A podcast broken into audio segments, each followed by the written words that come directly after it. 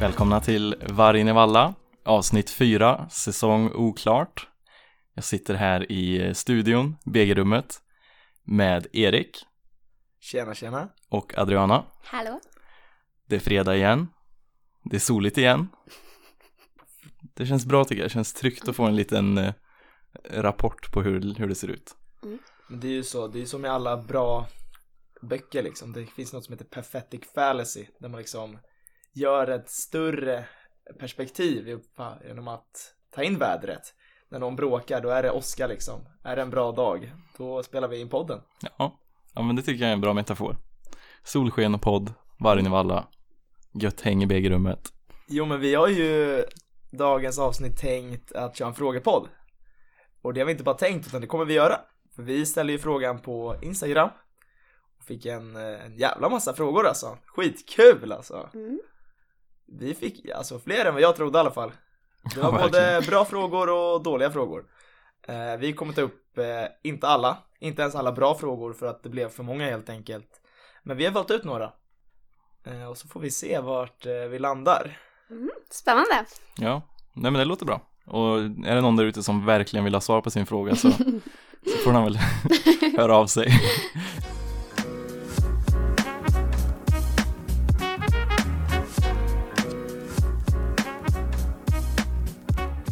Men jag tycker vi sätter igång med frågorna på en gång.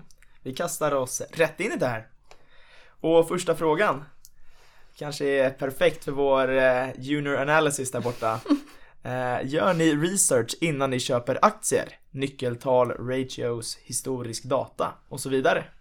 Ja, men det gör man ju. Men man har inte alltid varit bra på att göra det.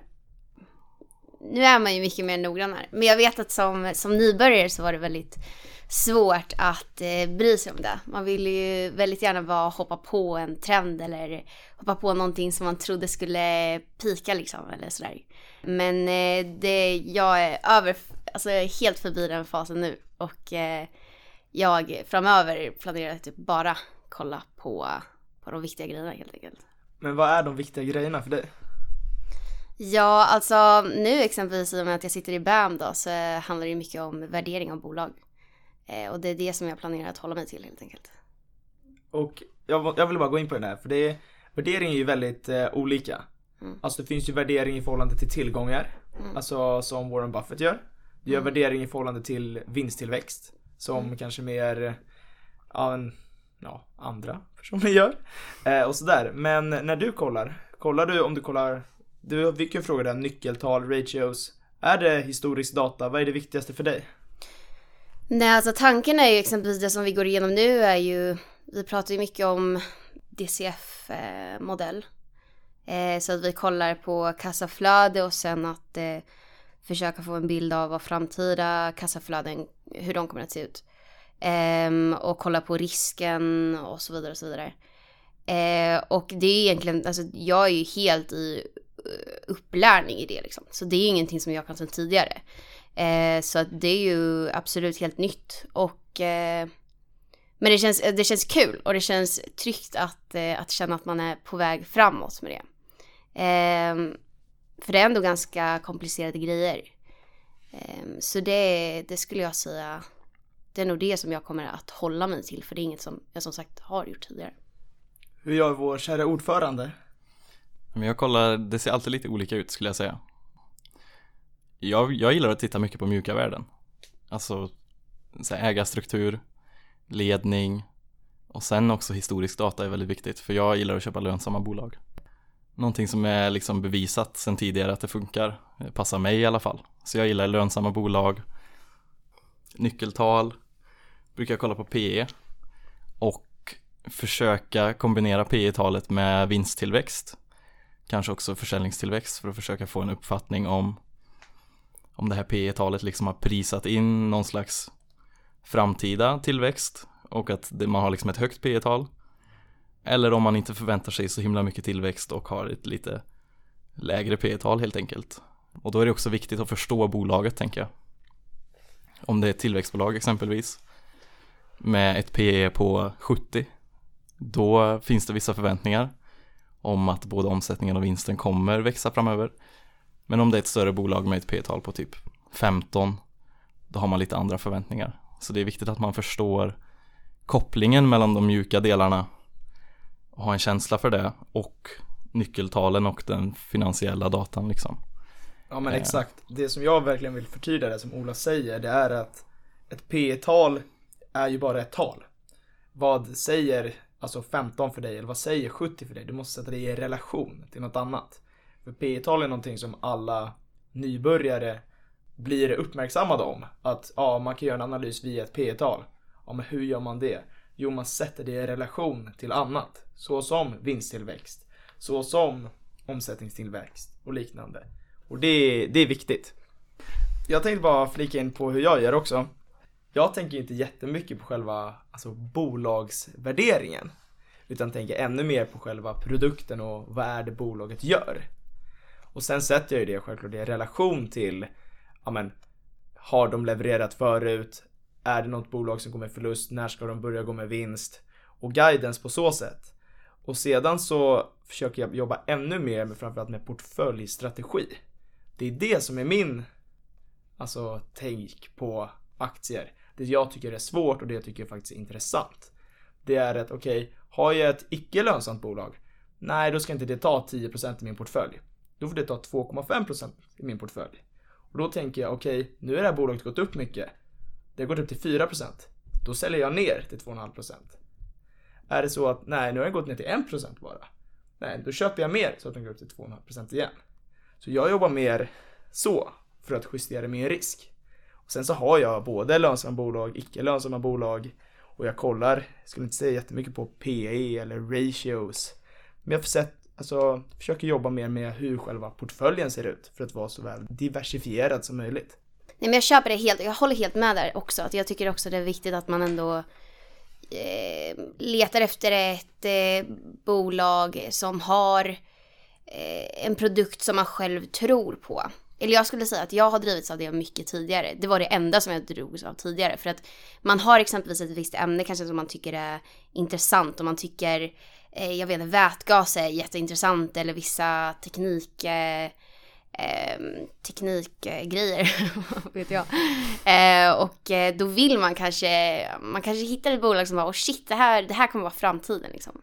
Eh, och så vill man eh, tro på det och så, så kör man på det. Är det. Skulle du säga att det är så du, du gör? Alltså jag skulle säga så här, jag har försökt att göra det som Bam och Adriana gör men jag, jag tycker det tar för lång tid.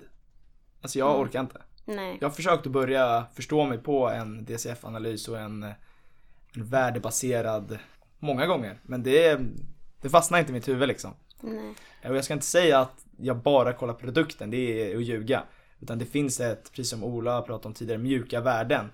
Men eh, jag tänker mycket, är jag säker på att det här bolaget kommer finnas om fem år? Men jag tänker att eh, produkten är ett bra ställe att börja på som nybörjare. Leta upp något bolag som man kanske är kund hos eller som man, som man förstår. Och så tittar man på produkten och så gillar man den. Okej, då kanske man kollar sen på eh, ledning typ. Vad har de för olika profiler inom bolaget? Vart kommer de ifrån? Vad kan de ha för styrkor?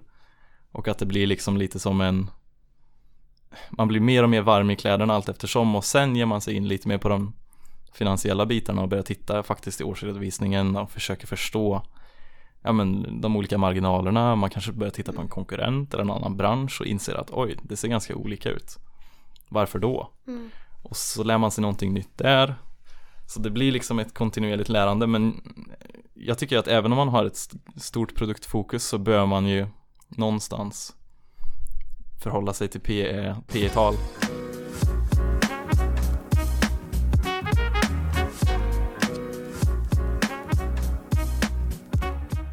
Nästa fråga. Jag funderar på att söka till BG nästa år. Har ni några tips? Ja, det har vi väl. Det kan man säga. Man, man ska vara framförallt intresserad och, och man ska ha ett finansintresse men också ett socialt intresse. Eh, våga förklara vad du är bra på i, i en eventuell intervju eller liksom där man ska motivera. Men också sen när man väl är med, att man vågar ta lite risker och prova på lite nya saker och, och sådär för, att- för att växa. är man med i till exempel utbildningsutskottet, ja men det kanske är jätteläskigt att hålla i en, hålla i en aktieutbildning. Men det kan ju också vara någonting som gör att man, man känner att man växer väldigt mycket. Så eh, jag tycker man ska våga, det är liksom ett, ett medskick. Eh, och inte, inte vara för blyg när, när det gäller att lyfta fram sina goda egenskaper. Jag tycker framförallt också man inte ska vara för blyg med att eh, lyfta upp vad man inte är så bra på. Och våga mm. se sina egna svagheter. Typ exempelvis kunna erkänna att men, jag kan inte det här. Eller, men jag är här för att lära mig. Eller det här har inte jag, hade inte jag någon aning om alls. Men jag vill veta mer om det. Så att exempelvis, det är ju vad jag har gjort. Eh, BAM är ju alltså ganska komplicerade grejer som sagt. Det var ju helt nytt för mig. Eh, men jag är ju helt med på eh, jag var helt med på vad det skulle innebära för mig att ge mig in i det. Det är ju jättemånga duktiga ja, medlemmar som, eh, som har jättemycket erfarenhet sedan tidigare och jag är säkert en av de som har minst. Eh, så att man måste våga, sig, våga sätta sig själv i den sitsen eh, där man klarar av att kanske inte vara den som har mest koll. Liksom. Sen skulle jag också säga att eh, de flesta får ju komma till en intervju. Om vi inte har, som vi hade i år då, extremt söktryck. Var lite förberedd. Alltså, se det som en, ett tillfälle att öva på en framtida arbetsintervju. Det kanske kan vara bra att googla på vad för typer av frågor du kan få. Och sen så bara vara allmänt avslappnad. Ja, försök vara dig själv så gott det går. För det är väl, någonstans är väl det ganska, ganska, alltså det, det, är då man, det är då man är som bäst, när man är sig själv. Mm. Det är då man är som mest optimerad liksom. Mm. Eh, och sen tycker jag Adriana, du lyfter fram en väldigt bra poäng. Att man också, eh, att man är medveten om vad man inte kan. Det är otroligt viktigt för det tyder på självinsikt. Men det är också viktigt för, eh, för börsgruppens utveckling framåt liksom. Att man rekryterar en blandning av inte minst personligheter men också eh, kunskapsnivåer. Alla kanske inte går sista året och har stenkoll på allt. Men det är ju inte det som är poängen heller. Att det ska vara någon slags sista årsklubb. Utan det är finans för alla som föreningen faktiskt står för. Eh, det är väldigt viktigt att det faktiskt blir ett sånt utfall också i föreningen på riktigt under ett givet verksamhetsår. Att det är finans för alla. Mm. Så kortfattat så tror jag väl att det är viktigt att man vill lära sig. Ja. Och att man har det intresset. Och för att kunna göra det så måste man ju eh, veta vad man kan och inte kan. Och till dig som ställde frågan, alltså BG är fan bästa som finns den här, på det här universitetet alltså. Så det är bara sök nästa år så får du sitta med oss och hänga.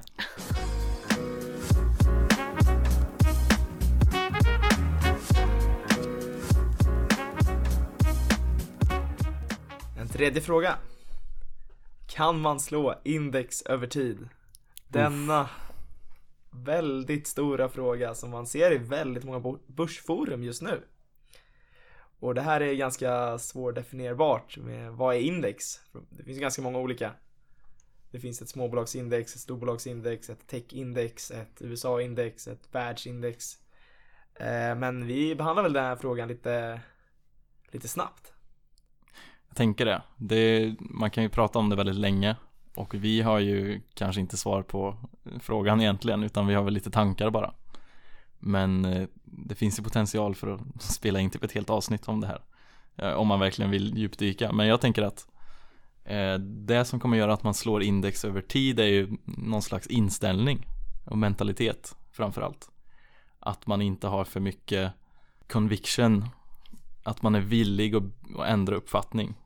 Tror jag är väldigt viktigt så att man aldrig gifter sig med en aktie eller en fond eller en marknad eller vad det nu kan vara. Det tror jag är väldigt viktigt för att, för att slå index. Så att man är när som helst beredd att omvärdera sina egna antaganden och sina egna åsikter och bara byta inställning baserat på vad det nu kan vara, liksom ny, ny data eller ny information eh, och vara väldigt objektivt inställd tror jag är extremt viktigt. Det handlar mycket om tiden man lägger. Sitter du och läser på om ett bolag i en timme och du köper bolaget och du håller den i ett år då kan det ha gått bättre än index, lika bra eller sämre. Men sitter du och läser på om bolaget en timme i veckan eller en timme varannan vecka. Jo men då kanske du får lite bättre uppfattning om vart det här bolaget kommer stå om ett år. Och då är det nog lättare att förstå om den kommer gå bättre, sämre eller lika bra som index. Du får i alla fall en bättre uppfattning än vad du har tidigare. Så jag skulle säga att det handlar mycket om hur mycket tid man vill lägga också. Är det så att du vill lägga en timme på ett bolag som du ska hålla i fem år, då kanske du ska förvänta dig att slå index. Men är det så att du vill faktiskt sitta varje vecka, kolla igen dina innehav och våga ta en lite högre risk så kanske du slår index faktiskt. Risk är också en väldigt viktig faktor i att när det kommer till att slå index, för det kan man ju göra om man exempelvis har ett eller två innehav. Men det blir betydligt svårare om man har 10 till 15.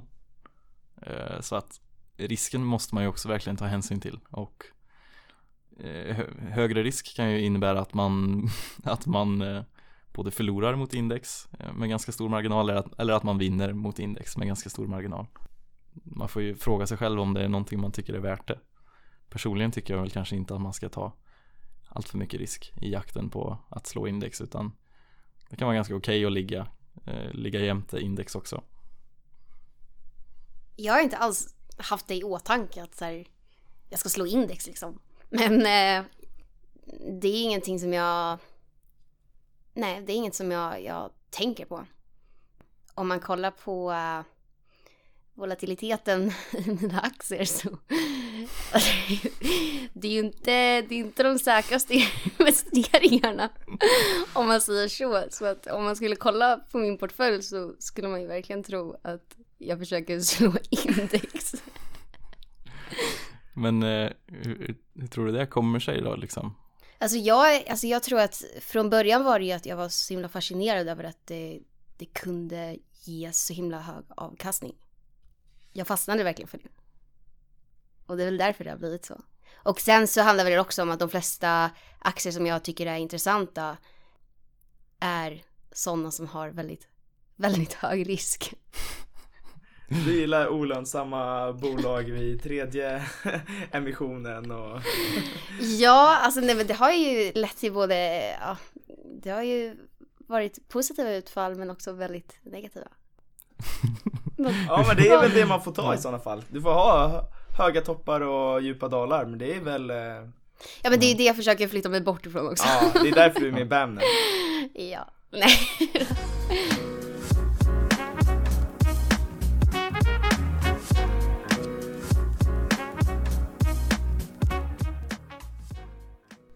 Fråga nummer fyra. Hur fick vi vårt intresse för finans? Erik, vill du börja? Jo men absolut. Eh, jag har väl eh, Jag kan tänka mig att det är många som känner igen sig i det här, i alla fall eh, från min krets. Jag är ju från Nacka i Stockholm. Det började prata finans i mitt högstadie. Mm. Det började köpas aktier i, på gymmet i mellan åttan och nian. Jag och min kompis Beijer Alma. Vi tyckte vi låg svintunga när vi la in våra tusen spänn i studiebidrag. Men eh, så mitt finansintresse har enbart kommit ifrån ett umgänge. Det är många där jag har växt upp som pratar mycket finans och många föräldrar som har varit insatta i finans, arbetat med finans och helt enkelt hjälpt oss vidare. Jag har många kompisars föräldrar som sitter och pratar aktier och liksom har gjort det med oss och gör det med andra så det har helt enkelt kommit väldigt naturligt för mig. För min del så var det en, en vän som introducerade mig till börsen. Jag visste ju typ vad det var, men samtidigt inte alls vad det var för någonting. Ja, han, han, han liksom berättade för mig vad han gjorde på Avanza i princip. Och bara, nu köpte jag det här bolaget och det har gått så här många procent plus och jag tyckte det var jättekult. Och fick väl, det grundade sig väl i någon slags FOMO egentligen från dag ett där jag kände Okej, okay, wow, det där borde jag också göra. Och sen så eh, köpte man det här bolaget enbart på hans rekommendation, vilket är helt fel eh, såklart när man tittar i backspegeln. Men det var ju ändå där som var inkörsporten på något sätt. Att jag köpte ett enstaka bolag utan att veta någonting om det och sen bara Jaha, nu är vi här. Och så när det gick upp så tyckte jag det var jättekul och när det gick ner så blev jag förbannad och ville förstå varför det gick ner. Och så börjar man läsa och så kollar man på forum och böcker och sådär. och sen börjar man engagera sig mer och mer helt enkelt över tid så att det har ju gått från att vara lekstuga till att det är någonting som man tar på mer allvar och som man faktiskt förstår mer. Nej, alltså jag själv, jag hade knappt några vänner alls som, eh, som eh, höll på med det eller ens hade koll på vad det var eh, när jag började med det. Det var någon gång i nian, tror jag. Och jag tror bara jag var typ nyfiken på vad det var min pappa höll på med eller vad det var han läste om. Så att vi började läsa lite om det ihop. Jag kommer ihåg att typ den första investeringen som jag var med på typ, det var, eh, det var ett, eh, de heter Jays Group tror jag. De tillverkade hörlurar. Jag tror de har bytt namn nu i alla fall. Men Mm. eh, jag vet att det, jag kommer ihåg att det skrevs om dem och det skulle bli, den skulle gå upp i alla fall, stod det i DI och grejer. Eh, Då ska ju gå upp, om det står det i DI. Ja men precis, precis. Vi var, ja, men vi köper den liksom. Eh, Så det var så intresset började. Men sen, eh, alltså det var väldigt svårt att utveckla intresset. Eh, Det fanns ju inte så många man kunde eh, snacka om det med. Liksom, jag antar att när man har sina, sin kompiskrets som också håller på med det så, så utvecklas man ju själv liksom. Man eh, utmanar varandra lite liksom. Men eh, jag gick ju inte heller ekonomi på gymnasiet så det, det var ju lite, det intresset stod ju lite på paus under gymnasiet. Men jag var på Börshajens event typ 2018 tror jag det var. Det är andra Farhad som höll i det. Det var kanon. Det är lärorikt. Jag tycker att det är viktigt för om man är nybörjare på börsen eller i börssammanhang då är det väldigt svårt att veta vad man inte vet Mm, och på något sätt söka upp det. Exakt. det man är ju helt man är ju liksom ett, ett blankt papper i den bemärkelsen. Mm. Att man, man vet kanske vad, vad bolaget heter och sen vet man liksom inte hur man tar nästa steg, typ så här, vad borde jag veta? Så att jag tycker att en bra start är att köpa någon bok som är alltså någon lite mer traditionell, lite torrare, om man får säga så, bok som tar grunderna och, och sen när man väl har läst den så, så väljer man väl någon inriktning ganska naturligt liksom. Sista frågan då, innan vi drar iväg eh, allt för långt. Eh, vad är det bästa med Börsgruppen och Linköpings universitet? Ja, det bästa med liv är ju Börsgruppen. Det var ganska bra sagt faktiskt. Det är bra sagt. Men Eh, man kan väl bygga vidare på det, det behöver inte, alltså Börsgruppen är jävligt bra. Och bland det bästa absolut. Men det är ju mycket, det jag älskar med det, det är att vill du vara sysselsatt 24-7, 7 dagar i veckan, det är det det betyder, men vill du det, då kan du det. Mm. Är det så att du inte vill göra det, då är det helt okej. Så du har så mycket möjligheter och du har så mycket alltså, att göra. Det finns ju folk som blir rastlösa. mm. Alltså, ja, jag var rastlös förrgår på kvällen. Ja men shit, jag ska ju utomlands troligtvis nästa, om två terminer. Sitter och bara läser på där, fan det är en hel vetenskap alltså. Det är ju sjukt, så det finns ju hur mycket som helst att bara ta reda på om du bara är nyfiken och vill göra alla föreningar, all gemenskap. Ja, Väldigt mycket sjukt. möjligheter. Och jag tycker definitivt vi har fått exakt. eh, jag tycker definitivt vi har fått ett bevis på att det verkligen finns saker att göra hela tiden de senaste veckorna. Alltså det har ju varit event på event på event och för oss som började förra året så vi har ju inte märkt av det förrän nu egentligen. Jag hade verkligen ingen aning om att det skulle vara så här. Det är ju det är en fattig helg så att säga. nu innan landning. Ja, nej, men jag, jag håller ju med er båda liksom att student, studentengagemanget är ju det som gör det bra på alla, alla olika sätt. För man har dels alla föreningar, liksom allting som på något sätt kommer gratis till en bara genom att man tillhör LiU. Det kan vara liksom, ja men uh, olika event, det händer alltid någonting. Men bara en sån sak som eh, Baljan och Byttan. Alltså att det är studentdrivet fika liksom. Hur bra är inte det? ja det är faktiskt, ja, det är, det är magiskt. Det är magiskt. Det är en liten detalj men det gör mycket liksom. Ja, så he, he, För de som älskar fika. för de som älskar fika, det, gör- det gör vi. Men eh, liksom allting bygger ju på någon slags underliggande vilja att göra bra saker för andra studenter liksom. Mm. Och det tycker jag är riktigt nice. Så om det så handlar om att man välkomnar utbytesstudenter i någon förening eller liksom är med i börsgruppen eller eh, engagerad i vilken annan förening som helst så finns det en vilja att eh, hitta på saker och lära sig saker på LiU, vilket jag tycker är väldigt kul.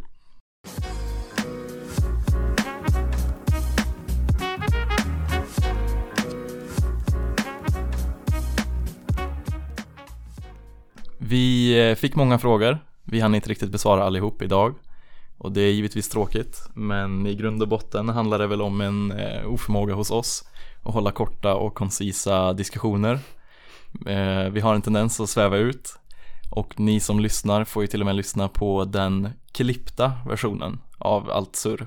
Så ni kan ju tänka er hur det faktiskt ser ut i studion när vi sitter här och, och svävar ut på det ena och det andra liksom. Men eh, vi har snackat lite om investeringar, vi har snackat lite om eh, Börsgruppen och eh, LiU. Vi snackar lite, lite grann om nyckeltal och värderingar och sådana bitar också.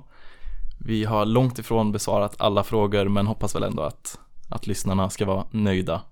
Och eh, man kan väl säga att vi underskattar lite hur många frågor vi faktiskt skulle få. Eh, samt hur, hur många frågor vi skulle kunna hinna med också. Mm. Eh, så tack så jättemycket alla som har ställt frågor och sorry till er som inte fick era frågor besvarade. Vem vet, vi kanske tar upp det i ett senare avsnitt. Verkligen. Och med det så avrundar vi för idag då. Ja. Tack och hej.